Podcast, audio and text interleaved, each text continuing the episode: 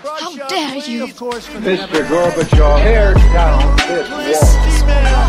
I did not have sexual relations with that. Read my lips. Hell yes, we're gonna take your AR-15. It's your waiting AK-47. I have a dream.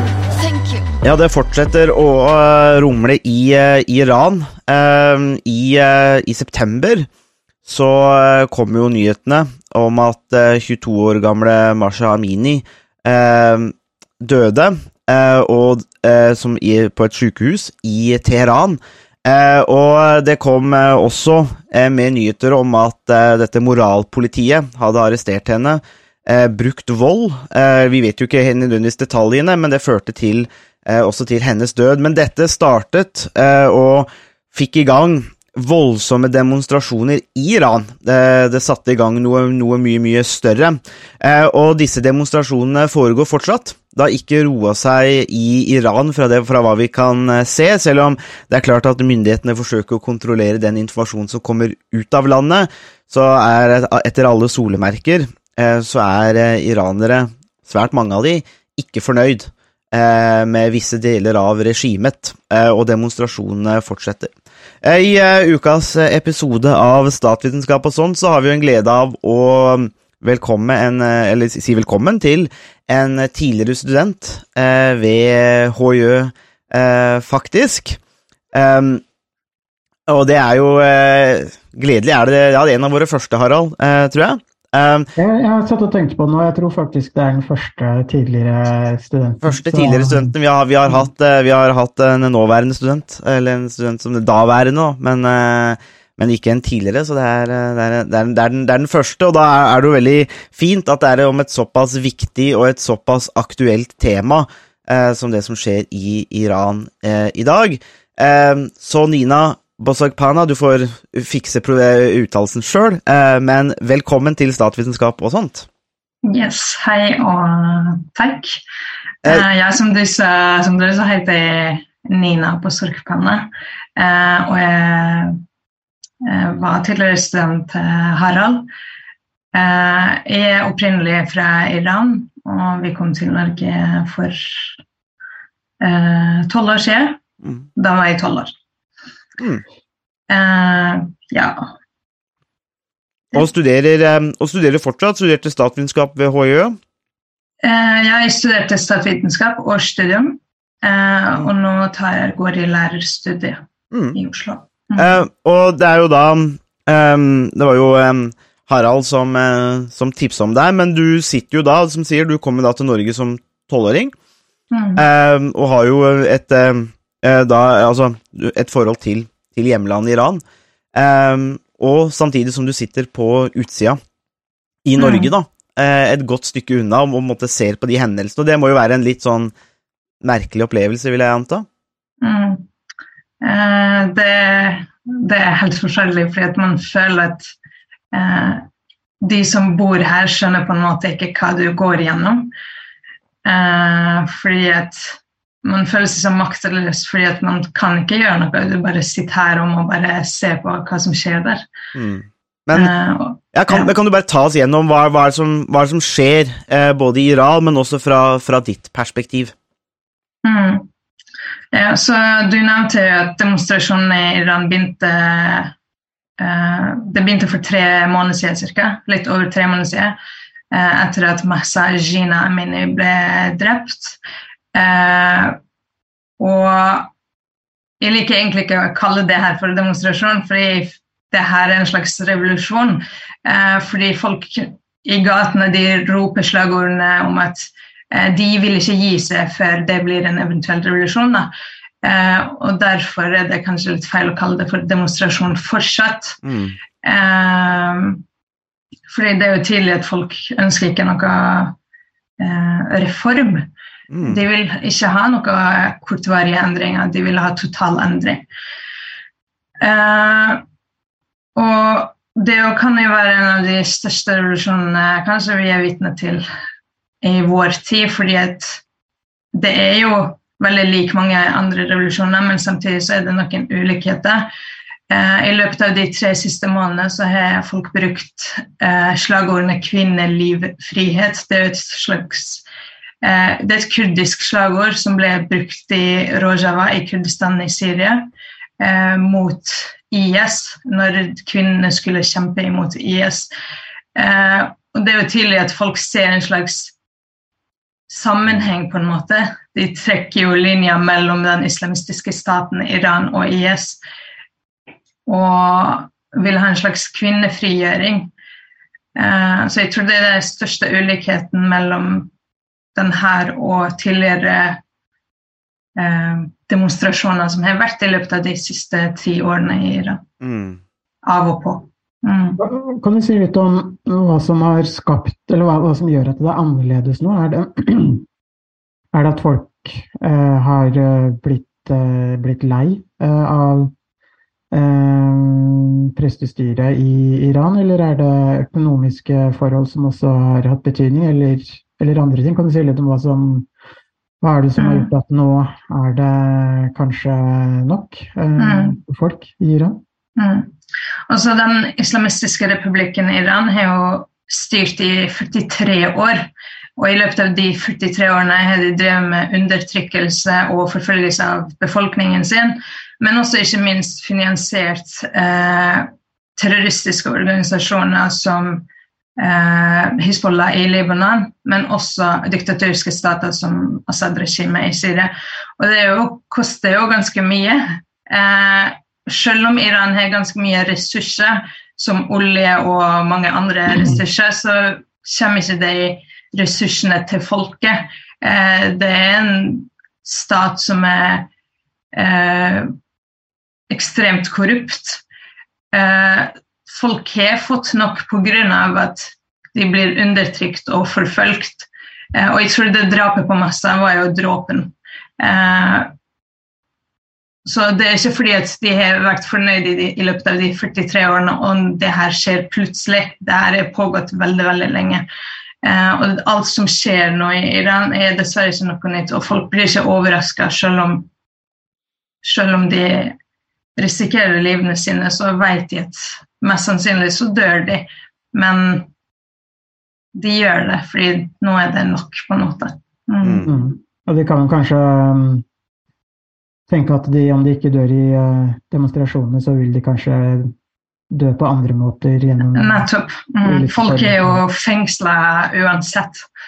Uh, så ja. Mm. De har ingen framtid. Men, men er det Tror du det har uh, Tror du disse protestene og demonstrasjonene vil uh, klare å, å skape en, uh, en revolusjon? Eh, jeg håper jo det, eh, virkelig. Eh, det her er jo en generasjon som har tilgang på internett, selv om det er ekstremt begrensa, men så er de tilgang på internett og sosiale medier. De vet jo hva som skjer og hvordan verden funker. Eh, de er på TikTok, på Instagram, på Twitter. Eh, så folk, jeg tror generasjonen som er i dag, vi har jo sett at det er flest kvinner, men også flest unge mennesker som har eh, vært i gatene og demonstrert. Jeg tror denne gruppen vil ikke gi seg fordi at de vet nå, nå vet de bedre. Nettopp pga. sosiale medier. Mm. Mm. Det er jo, jeg har jo var inne på det her første gang vi snakka om det i podkasten òg. Jeg, jeg studerte jo med svært mange iranere i New Zealand, eh, og, og det var jo eh, å oppleve på nært hold da, en slags brain drain, eh, fordi at eh, alle ville jo ha utdanning, eh, og ingen ville tilbake til Iran. Eh, og det var liksom fellesnevneren, eh, og de ville jo på en måte bare eh, ja, studere det de ville, jobbe med det de ville uten eh, å komme tilbake til dette regimet. Og det var jo eh, Og det som var konflikten, var jo det at det, du- det var veldig tydelig at det er en sterk konflikt, for du forlater jo familie. Samtidig så er jo familien veldig på at nei, ikke kom tilbake. Eh, ikke sant? Så du har den derre Du har egentlig støtte og go fra familien for å måtte ha et liv et annet sted, men det er jo likevel ganske tungt når de, alle de er da hjemme i, hjem, i hjemlandet. Men det sier litt om konflikten og kanskje hvor langt dette regimet, eller ja, på en måte hvor kontrollerende og ødeleggende det har blitt på mange måter, da, når man splitter opp så mange familier som da ser seg folk, barn de er nødt, nødt til å sende ungdom og studenter vekk. Ikke kom tilbake, vi får bare drive på her og, og, og, mm. og slite. Og det sier jo litt om på en måte, hvor vanskelig det er, men jeg vet ikke det, det kan jo kanskje du si noe mer om, for jeg vet ikke om du har noen måte, mer sånne person- eller familieerfaringer om akkurat det der, den konflikten der, da? Eh, ja, det har jeg. Og jeg, jeg, jeg vet ikke om noen som ikke har det. Eh, som er opprinnelig fra Iran. Og alle som er, bor her i, i, utenfor Iran, alle som bor i Vesten generelt, uh, har enten mista familiemedlemmer eller vært fengsla sjøl, eller har hatt familiemedlemmer som har vært fengsla pga. islamistiske staten i Iran. Eh, jeg vil ikke gå veldig detaljert inn på min egen familie, men eh, grunnen til at vi kom til Norge, var nettopp pga. det her, fordi min familie var politiske. Uh, Mm. Så det er ekstremt å bo i Iran. Det, mm. Mm, men, Hva sier eh, de du har kontakt med i Iran uh, om situasjonen uh, sånn som den er nå? Mm. Eh, jeg er jo kurder, så jeg er fra nordvest-Iran. Og i løpet av de tre siste månedene så har vi sett at det har vært eh, mest demonstrasjoner i den kurdiske delen, men også i Balutsjistan, som er i sørøst. Eh, og i den kurdiske byen, delen vi, eh, så Familien min snakker om at det ser ikke ut som demonstrasjoner, det ser ut som det er krigsskåne. Eh, det, det er fullt av politi eh, overalt. Du tør ikke liksom gjøre noe i tilfelle du gjør noe feil, på en måte. Selv om du Hvis du ikke velger å være med, så er du en del av det uansett. Fordi at du er, du er fra den områden du er, da. Um, så, og så er tror jeg det er litt viktig å huske på at hun Masajina Emini var jo kurdisk, og det er jo kanskje en av de grunnene det har vært størst i den kurdiske delen.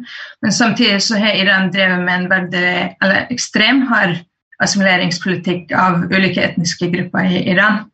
Eh, og marginalisert av de gruppene. Og kurdere og balutsjere er en del av de etniske gruppene som er i den. Og jeg tror det er derfor det har kanskje vært Eller det her er bare min teori, men jeg tror kanskje det er derfor det har vært store, voldsomme demonstrasjoner i akkurat disse områdene. Da. Mm. mm.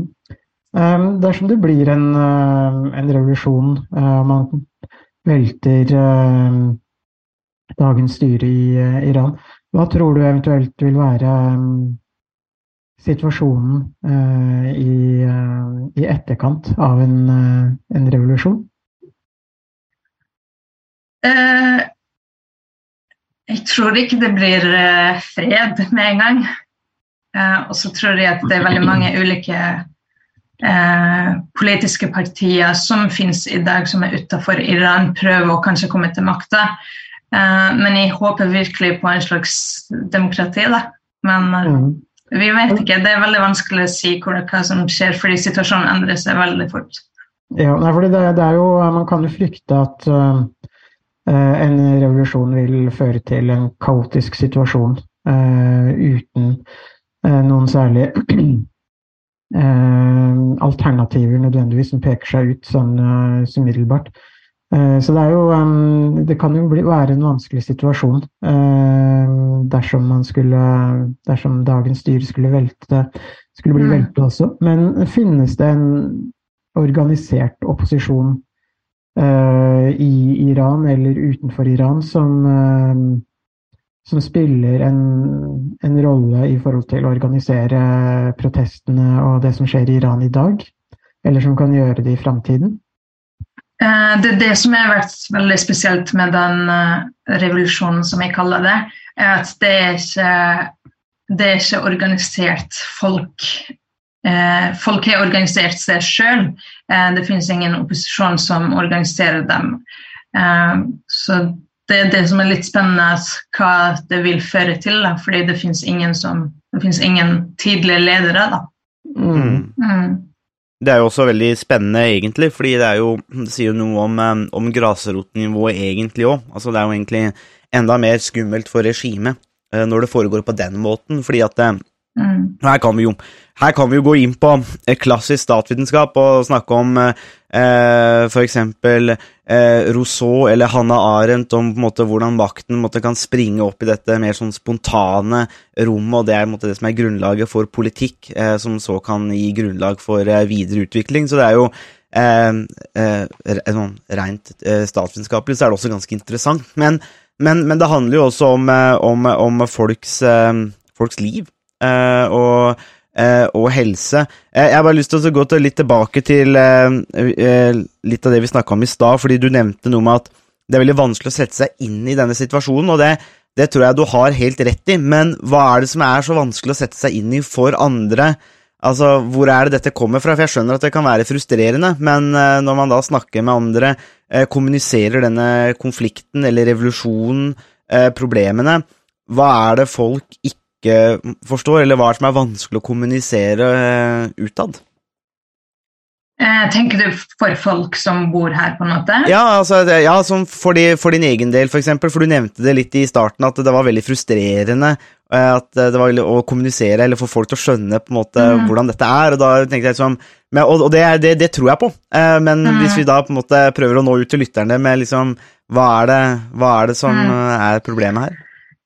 Eh, jeg tror det som er veldig vanskelig for f.eks. vennene mine å skjønne det, er fordi at de har jo levd i en eh, veldig fin, demokratisk land som Norge, som jeg aldri følt på eh, å bli diskriminert på en sånn måte.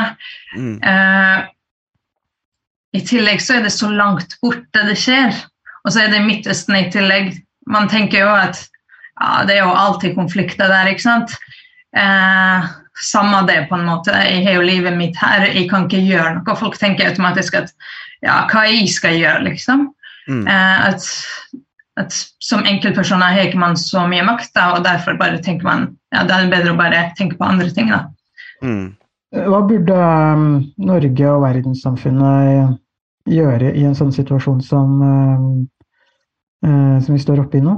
Mm. Er, eller er det noe man kan gjøre, annet enn å um, se på, nærmest? Ja, um, ja, jeg tror det er veldig mye man kan gjøre. I I hvert fall som politikere og stat. Uh, ironisk nok så sitter den i, den FN, i FNs kvinnekommisjon, og det sier jo litt. Uh, og i dag er det faktisk eh, avstemning i FN, eh, og i, Iran må bli kasta ut. Og det at de har i det hele tatt en slags plass i FNs kvinnekommisjon, legitimerer jo eh, deres stat og alt de driver med. Eh, og jeg tror ord og uttalelser vil ikke hjelpe på noen slags mot en sånn, mot en sånn regime. Eh, og EU og Norge og alle landene som er, har en slags diplomatisk relasjon til Iran, må kalle tilbake sine diplomater. Kaste ut eh, iranske eh, ambassadører, stenge ambassadene og nedgradere relasjonene de har. da.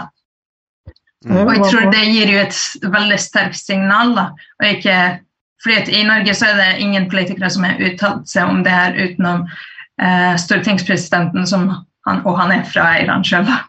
Mm. Mm. Ja, for det har jo vært eh, relativt uh, lite oppmerksomhet kanskje rundt uh, protestene i Iran sammenligna med eh, til tilsvarende protester eh, hvis det hadde oppstått andre steder, eller Mm. også i forhold til hvor, hvor stor store protestene er den gangen her.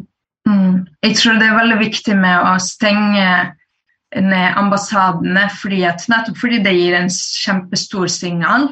Men også vet vi jo fra tidligere at, tidligere at, eh, at iranske ambassader driver med spionasje på eksiliranere som også bor i Norge. Eh, og jeg vet ikke om dere har hørt saken om eh, Det var en restaurant i, i Tyskland tidlig på 90-tallet der tre kurdiske eksil... Nei, Iran drepte tre kurdiske eksilpolitikere. Mm. Så det sier jo litt om hvor mye makt de har også utenfor Iran. Mm. Mm. Det er jo hva, med, hva med sanksjoner? Eh, Iran har jo vært eh, gjenstand for ganske strenge eh, sanksjoner over ganske lang tid. Eh, er det et virkemiddel som du tror vil kunne fungere, eller som har hatt noen effekt de årene det har vært i, eh, i virksomhet? Ja, som du sa, så har Iran jo vært sanksjonert i veldig mange år. Eh, og det har vært ja, i forskjellige grader. Eh, jeg tror sanksjon er veldig viktig, men jeg tror politisk sanksjon er enda viktigere. Eh, fordi at den økonomiske sanksjonen så det fører jo til inflasjon og fattigdom, og. Den har økt store klasseforskjeller eh, i Iran. Eh, men jeg tror den politiske sanksjonen er enda bedre og enda hardere, fordi eh, da begrenser man eh, de som styrer det, og ikke folket, på en måte. Det der, er jo, det der er jo det som er vanskelig, og som jeg også, igjen da opplever litt på nært hold. For det var jo også en frustrasjon for mine medstudenter òg. At eh, økonomiske sanksjonene ødela jo egentlig den iranske økonomien, og den det gikk hardest utover, var jo da vanlige folk. Eh, og folk som Mm. studerte, fordi at de fikk jo mindre igjen for pengene. Så det ramma jo dem òg. Eh, og så er spørsmålet hvor mye rammer det egentlig de på toppen? Eh, Mm. Og vi har jo gjort en podkast her, Harald, med, med, med Bob fra Canada, professor i, i, i geografi, som studerer Nord-Korea og sanksjoner, og har jo vel egentlig slått fast at sanksjoner er bortkasta eh, mot en del av de regimene, rett og slett fordi at de på toppen har muligheter til å sko seg uansett, da. Um, og, og klare seg. Uh, det som, men, men det som kanskje kan være muligheten, da, og det er jo det at det, der, der det ser at det rammes nå, er jo sanksjonene mot Russland, fordi de er så totale. uh, fordi det er Russland. Men det er klart, Iran uh, har jo vært utsatt for sanksjoner, men ikke i nærheten av så omfattende tross alt som Russland er under nå. Spørsmålet er jo det, når man ser at Iran eventuelt selger da, eh, våpen til Russland, om dette er noe som på en måte kan begynne å skvise Iran fra den andre sida igjen, fordi at eh, man er ute etter en større fisk, eh, rett og slett, da, i Russland. Eh, og de får en del ting i handel med Iran, og så prøver man å slå ned på den handelen. Det er jo spørsmålet, men det er det, det, dette er jo dette som er så vanskelig med, med, med, med, sanksjoner. Men, men det som jeg tenker er interessant òg, da, er det Iran, i hvert fall slik jeg leser situasjonen, det er jo nettopp det at så selv om sanksjonene ødelegger en del for vanlige folk, eh, og de beste, eller de på toppen, da, de slipper unna sånn som de ofte gjør uansett, så kan jo det her jo kun gå til et punkt. Og det er jo spørsmålet, og det, det jeg kanskje hører fra deg nå, er at nå nå begynner man å nærme seg det punktet at, at ok, men nå begynner, nå er egentlig livene for svært mange så dårlig at til, på et tidspunkt så når man jo et, et, et punkt hvor det ikke er noe mer å tape. Eh, og det er jo slik jeg leser deg, da, så begynner jo kanskje flere og flere å faktisk komme til det punktet hvor shit, ja, vi lever, men hva slags liv er det egentlig? Mm. Um, Jeg har jo, det er Noen av mine tidligere klassekamerater som, fra Iran har faktisk kontakta meg via sosiale medier. Ikke nå i det siste, men sånn i løpet av alle årene jeg har bodd her. Eh, og de sier jo eh, ja, jeg utdanner meg, men jeg har veldig høy utdanning, men hva jeg skal med det, liksom. Eh, det er jo begrensa hvor mye jobb eh, Hva slags jobbmuligheter man får i den. Ja. Eh, og det, ja, så de er veldig desperate nå, tror jeg. mm. Hva er, eh, hvis du skal anslå, hvor stor støtte eh, vil du anslå at regimet har blant befolkningen i Iran? Altså hvor mange er det som på en måte tjener på at det nåværende regimet eh, sitter med, med makten? Mm. Det er veldig vanskelig å si, men det iranske regimet, eller den islamske regimet har hatt, det de har hatt en slags strategi å holde folk fattige. Og med det så har de ført til en, ført til en slags politikk at de har kjøpt eh, på en måte velgere. Fordi at folk er fattige, de trenger de pengene, og derfor eh, vil de støtte regimet. Og jeg tror det er veldig mange av de folkene, dessverre, men eh, jeg tror det er ekstremt mange av oss som har fått nok. Mm. Og det, det som jeg tror det er litt spennende, fordi at i begynnelsen så starta alt det her med hijab, ikke sant? men det handler jo om mye mer enn hijab, og mye mer enn bare moralpolitiet. Eh, og senere i demonstrasjonene så har vi jo sett at folk med både hijab eh, og uten hijab har demonstrert ved siden av hverandre. Så det her handler ikke om at eh, det handler ikke om religion, på en måte. Det handler om en diktaturstat som skal bort. Det er jo, det er jo forskjell på om man velger eh, hijab enn om det kommer noen og banker deg opp fordi at du ikke har det på. Altså, det, er, jo- Mm. det, er, det, er en, altså, det er en ganske stor forskjell på de to tingene, om det kommer en, en sånn paternalistisk stat, og det er jo Iran. Det er jo en paternalistisk stat, for det er jo stort sett bare menn eh, på toppen som har definert sin rolle som ledere, som skal kunne på en måte fortelle folk hvordan de skal leve, og hvis ikke du lever sånn, så blir du banka opp. Eh, og, og? Så det er, og det tenker jeg det er en veldig sånn politisk nyanse, som kanskje ikke da Det, har ikke, det, det er liksom, ja, som du sier, da. Kanskje vi skal da Det er ikke så viktig nødvendigvis det religiøse aspektet der, men det har noe med, med gjennomføringen av det, det paternalistiske, det, det voldelige aspektet med det, da, som folk reagerer på. Det tenker jeg også gir mening, for det er jo det, det er jo veldig rart, e- e- egentlig. Eh, men, men bare for å følge opp litt det Harald sa, for at, eh, er det store regionale forskjell altså, Jeg kan ikke nok om Iran. Jeg, eh, jeg håper jo Jeg, jeg, har, jeg har liksom et, et mål da, om å en gang kunne reise til Iran, og egentlig til Irak. Eh, for oss som er veldig glad i, i eldgammel historie, eh, så er jo dette, er jo dette hotspots, eh, for å si det sånn. Jeg vil gjerne reise til Irak og eh, gå i fotsporene til Gilgamesh eh, og se på en måte den, den, den historien der. Eh, og Iran er jo også full av den historien. Eh, så har jo eh, vestlige land gjort det beste for at det skal være veldig vanskelig å reise til disse landene, da, særlig ved å ødelegge Irak og sånn gjennom noen tiår med krig. Men eh, regionale forskjeller når det kommer til Iran, altså er det Kan, kan du si noe her? Altså er det, du, du nevnte litt i kurdiske områder, mye mer demonstrasjoner eller mer øh, voldsomt, men er det områder i Iran som er på en måte mer øh, regimetro, rett og slett fordi de får mer ut av regimet, eller det tilhører grupper, eller osv.? Er det store regionale forskjeller i Iran? Mm. Eh, ja, det, man har sett at det har vært Jeg tror de fleste byene i Iran har, Det har vært demonstrasjoner i de fleste byene i Iran, men så har det vært litt sånn av og på da, hvor lenge de har holdt på, og hvor mange har vært med. Eh, men i kurdiske delen har man sett mest, og også i Balutsjistan. Og begge de byene er med grense. Den ene er grense til Irak, kurdiske delen, eh, og Balutsjistan eh, grense til Pakistan. Mm. Eh, og så har man jo sett at det har vært mye i Nord-Iran eh, med Kaspiske havet. Eh, men så har det vært litt mindre i noen byer. Eh, jeg er litt usikker på årsaken, men jeg tror folk er veldig redd fordi de vet konsekvensene av å komme i gatene. Mm. Uh, men ja, man har sett at det er litt mindre. F.eks. Teheran, da, som er en så stor by, det er litt usikker på hvor mange millioner det bor der, men i hvert fall 12 opp mot 15 millioner som bor i kun en så liten by. Så jeg tror Hvis folket der hadde kommet ut, så hadde det vært Det hadde gått fortere, på en måte, den, den, den revolusjonen. da. Men Mm. Mm. det har vært få der, da, dessverre. Men er det sånn nå at regimet er i ferd med å miste muligheten til å på en måte, kjøpe seg støtte eh, blant, eh, blant folk eh, når det gjelder eh, på en måte, opprettholde eh, Når det gjelder å opprettholde styret?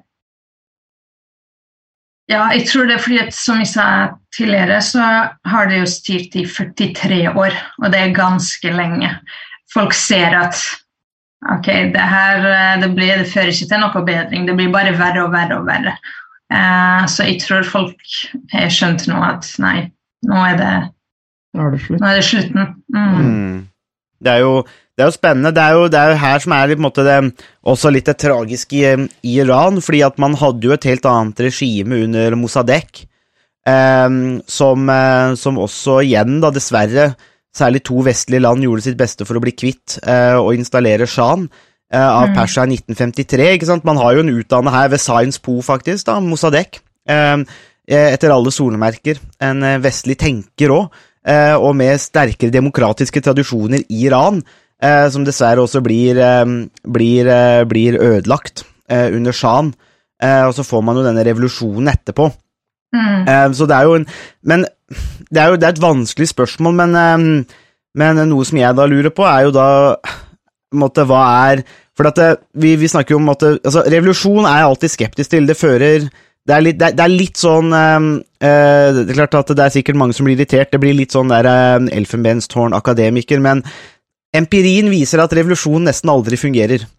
Eh, det beste måten for politisk endring, når man ser på store studier som har blitt gjort f.eks. av Erica Chenoweth i USA, så hun starta med en fascinerende studie for å vise hvorfor pasifisme og ikke-vold ikke fungerte.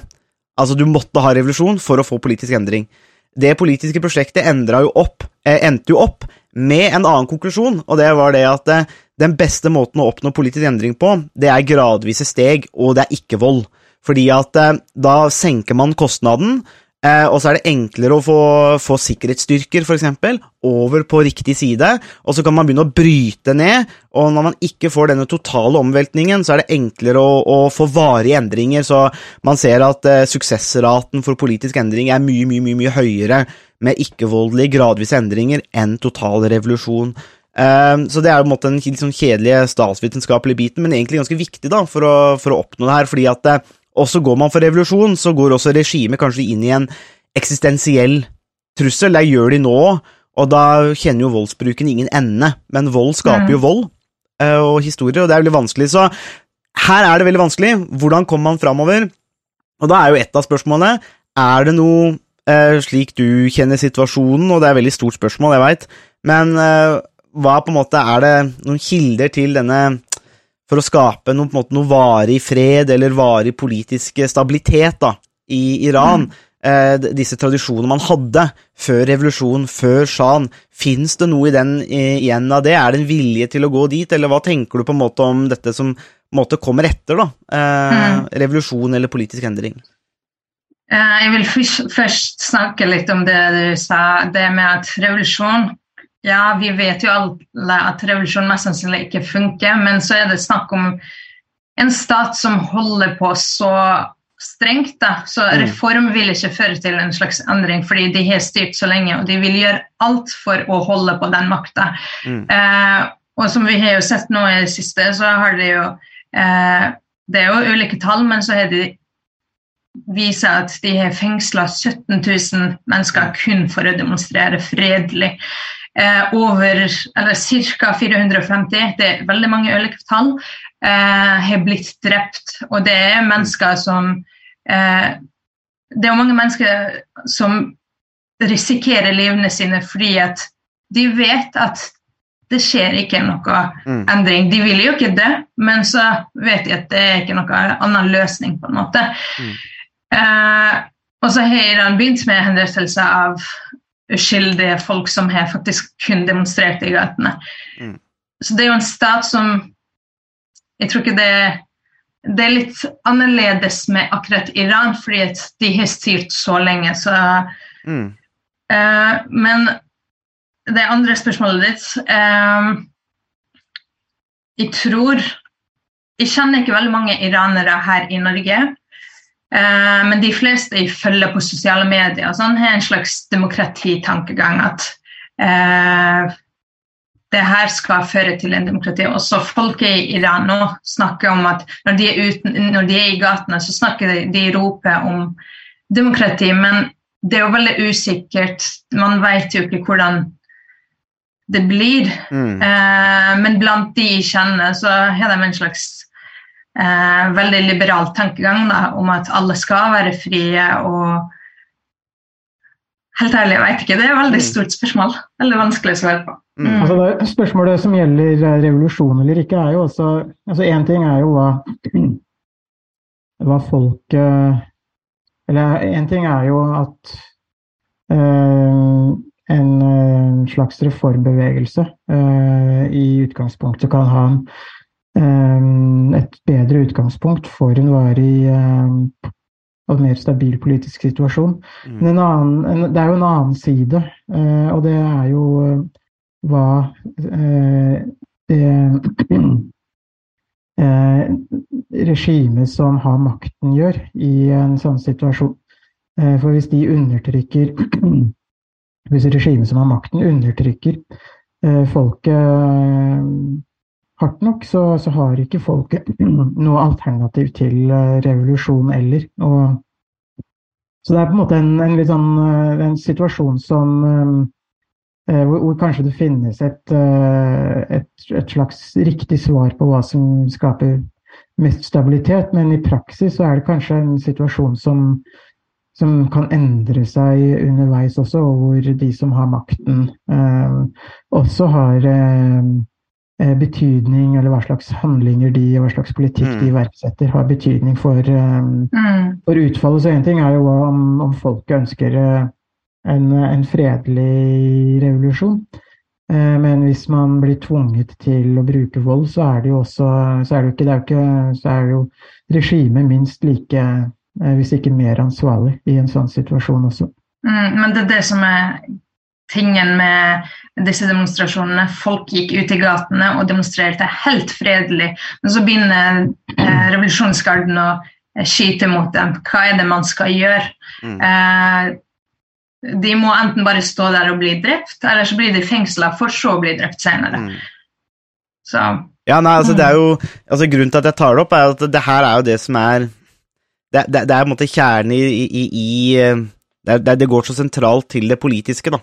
Ikke sant? Fordi mm. at eh, eh, man står overfor en fortvilende situasjon. Altså en situasjon mm. hvor man eh, egentlig bare står med å overleve. Eh, og det, det, er jo ikke noe er, når, når, man, når, man, er i en situasjon hvor alt handler om å overleve, så har man heller ikke mulighet til å utforske hva det vil si å være menneske. Altså det å leve et liv. Eh, og det er jo en fortvilende situasjon, eh, og, og kan, kan, jo langt på vei rettferdiggjøre en revolusjon. men så er det liksom det som jeg syns er interessant, er jo da bare målt opp mot det, de empiriske bevisene som viser at revolusjonen ofte skaper litt trøbbel i etterkant òg, fordi at øh, om man da samler seg om denne demokratitanken i Iran, øh, som egentlig ikke er så fremmed øh, langt på vei hvis vi går noen tiår tilbake, altså det er, det, det er ikke sånn det, Man skal ikke underskjelle det. Men, men mm. så har man alle disse regionene da, og gruppene og osv. Det er et stort land, i Iran. Uh, mm. Hvor man da skal, skal, bli enige om dette demokratiske. Så jeg bare Det er, det er komplisert. Uh, og jeg støtter jo på en måte opprør, og som du sier, man starta jo her også med fredelige uh, demonstrasjoner, og så blir man møtt med denne voldsomme volden, og det er jo spørsmålet om det er også er den store tabben til regimet, da. Istedenfor å på en måte kunne komme med noen reformer, altså selge slik at folk blir fornøyd nok, så bruker mm. de massiv vold, og da er det som bare som å tenne på eh, bålet her. Eh, men apropos det, den store saken her i, i, i Eller det, det, store problemet her, eller den utløsende effekten, er jo moralpolitiet. Eh, og vi har jo også sett meldinger, jeg, i hvert fall har jeg sett på Twitter, litt motstridende meldinger om dette moralpolitiet som skal ha vært lagt ned eller eh, kontrollert. Altså, det, det, ble sagt i en tale, og så var det flere som sa at eh, vel, det ble tolka litt feil vei, men eh, men så det var litt usikkert, ble det lagt ned? Men kan du, ut fra din kunnskap, hva er, eh, hva er egentlig mm. status til dette moralpolitiet i Iran? Uh, nei, Det som startet med, var at uh, det var en som kom med forslag om å kanskje fjerne moralpolitiet. Det var bare et forslag, egentlig. Ikke noe med De fjerna ikke det. Men så er det viktig å huske på at det er ikke moralpolitiet som er problemet, det er de som uh, gir den makta til moralpolitiet. Så hvis vi hvis vi endrer på moralpolitiet, så vil den makta gå til noen andre uansett. Mm. Eh, så jeg tror man må ikke glemme at det er ikke moralpolitiet som er problemet, eller hijab, som det begynte med. Det er ikke de to som er problemet. Mm. Eh, det er mye større. Mm. mm. Folk har det Altså, det myndighetene diskriminerer og utøver vold basert på liksom, kjønn, politiske meninger, religiøs tro, etnisitet, seksuell legning, kjønnsidentitet. Eh, det, det handler ikke om å være en slags organ, da. Mm. Eh, det er staten generelt, da. Mm. Mm, så det er mer sånn symptom, egentlig. Så moralpoliti er egentlig mer en slags symptom eller sånn uttrykk for den mm. undertrykkelsen som er satt i system i regimet? Jeg tror egentlig det var en slags eh, Jeg tror den islamske staten prøvde å lure Vesten. At ja, vi prøver på å reforme, vi òg. Eh, men så er det ikke sånn i realiteten. Mm. mm. Nei, det er, er, det en, er, det en, strategi som, uh, som styret i Iran ofte bruker? At man vil gi inntrykk overfor eh, Vesten og eh, utlandet at man gjennomfører reformer uten at man egentlig gjør noe som helst. Mm. Det har man jo sett f.eks. nå i VM i Qatar. Eh, så har Iran eh, sendt eh, supportere som har kledd seg eh, Kvinner uten hijab som har eh, heia på iranske laget. Og det er veldig rart når samtidig så har det vært kvinner som har stått med plakater mot iranske regimet. Så det, man ser jo, De prøver veldig veldig hardt å holde på det her, at, på det bildet at ja, vi er ikke så ille, på en måte. Eh, så jeg tror kanskje de har også skjønt sjøl at nå er det kanskje slutten. Mm. Mm. Det er jo alltid et dårlig tegn for, for et regime når du må når du må begynne å manipulere sånne typer bilder. altså Det, det, er, en, det er jo en umulig kamp til slutt. Det, det blir jo litt som Jeg tenker det har jo noen Jeg vet ikke hva du tenker, Harald, men for meg så er, ser jeg i hvert fall noen paralleller litt til, eh, til DDR, gamle Øst-Tyskland, eh, til dels Sovjet. altså Når man forsøker å bygge opp en mur og kontrollere befolkningen. Men det kryper i den ting hele tida. Eh, og, og med internett så er det i hvert fall mye, mye enklere, fordi at eh, ja, man kan jo kontrollere deler av internett til, til en viss grad, men det finnes en del andre måter å omgå det på, eh, og man får andre informasjonskilder, slik at eh, men det samme gjaldt jo i Øst-Tyskland òg. Man, man undertrykte jo mer og mer etter hvert som, eh, etter hvert som eh, Den demokratiske republikken hermetegn gikk bedre og bedre, eller dårligere og dårligere, da. Eh, og, folk får tak i den informasjonen, eh, og de, de, de stiller jo spørsmål. De setter jo spørsmålstegn ved en del av de tingene som de opplever, og i hvert fall når de blir eh, utsatt for eh, informasjon og kunnskap fra den andre siden, eller fra andre. Eh, og i, Iran har jo også en stor eh, diaspora, ikke sant? Altså, det er mange iranere utenfor, og det man, du, du, eh, du vi, vi kan jo ikke gå inn på sånn nøyaktige detaljer for din egen del, men, men, eh, men, men eh, det er vel rimelig å anta at mange iranere får har uansett kontakt med folk eller familier utafor. Eh, slik at eh, det er jo ikke hermetisk lukka, det er vel riktig å si. Nei, altså folk er jo Ja, internett er veldig begrensa, og sosiale medier er veldig begrensa, men så åpner den av og til. Eh, og så finnes det jo tilgang på VPN som Mm. gjør at det er veldig Det blir litt enklere å kontakte folk, da. Eh, så de vet jo Folk i Iran vet hva som skjer utenfor Iran også, selv om det er veldig begrensa. Mm. Er det noe av det som eh, mange undertrykkende regimer har til felles, er jo også det at de, eh, de krever såpass mye eh, av folk at de skal være enten eh, rettroende kommunister eller muslimer eller hva det måtte være. Men som stiller så sterke krav til, til befolkningen at det er noe som befolkningen i det lange løp ikke Mm. har mulighet til å Mm. til å etterleve. Og, og da ser man jo som eh, eh, du var inne på, eh, hvordan det gikk i DDR, i tidligere Øst-Tyskland, og Mm. også Mm. hvordan, eh, interessant nok, fotballkampene som ble sendt til eh, i, i Kina eh, fra VM, eh, også var med på å, å skape eh, demonstrasjoner og protester der. Eh, Mm. Da er det interessant at eh, de samme TV-bildene også er med på å, å undergrave eh, det islamske styret i eh, Iran også. Og det sier noe om den, den kraften som, eh, som ligger i Når man først får et glimt av frihet og hva det, det innebærer. Mm. Uh, og da er det, er det vanskelig uh, og egentlig uunngåelig og umulig å stoppe folk i det, i det lange løp. Så man kan kanskje håpe at uh, demonstrasjonene man har sett i Iran nå, er begynnelsen på en slags maraton eller en langspurt mot Mm. et annet og mer åpent regime på, på lengre sikt. Om det blir en revolusjon eller noe annet, det, det vil vi kanskje vite om noen måneder eller eh, år. Og da mm, kan det være interessant å mm, ta opp eh, tråden og se hvordan det, Mm. det har gått også. Mm. Er det noen ehm, Det er jo eh, en fin oppsummering der, Harald, men eh, Dina, har du noen, noen siste ting som du vil eh, se, nevne om eh, situasjonen? Er det noe, noe vi ikke har fått snakke om som du føler vi burde ha dekt her helt til slutt? Eh, nei, men eh, jeg tror en sånn siste ord Jeg tror fallen av den iranske regimet vil også føre til eh, litt mer fred i verden og Midtøsten. Mm. Så det er ikke bare for Iran, det er for verden.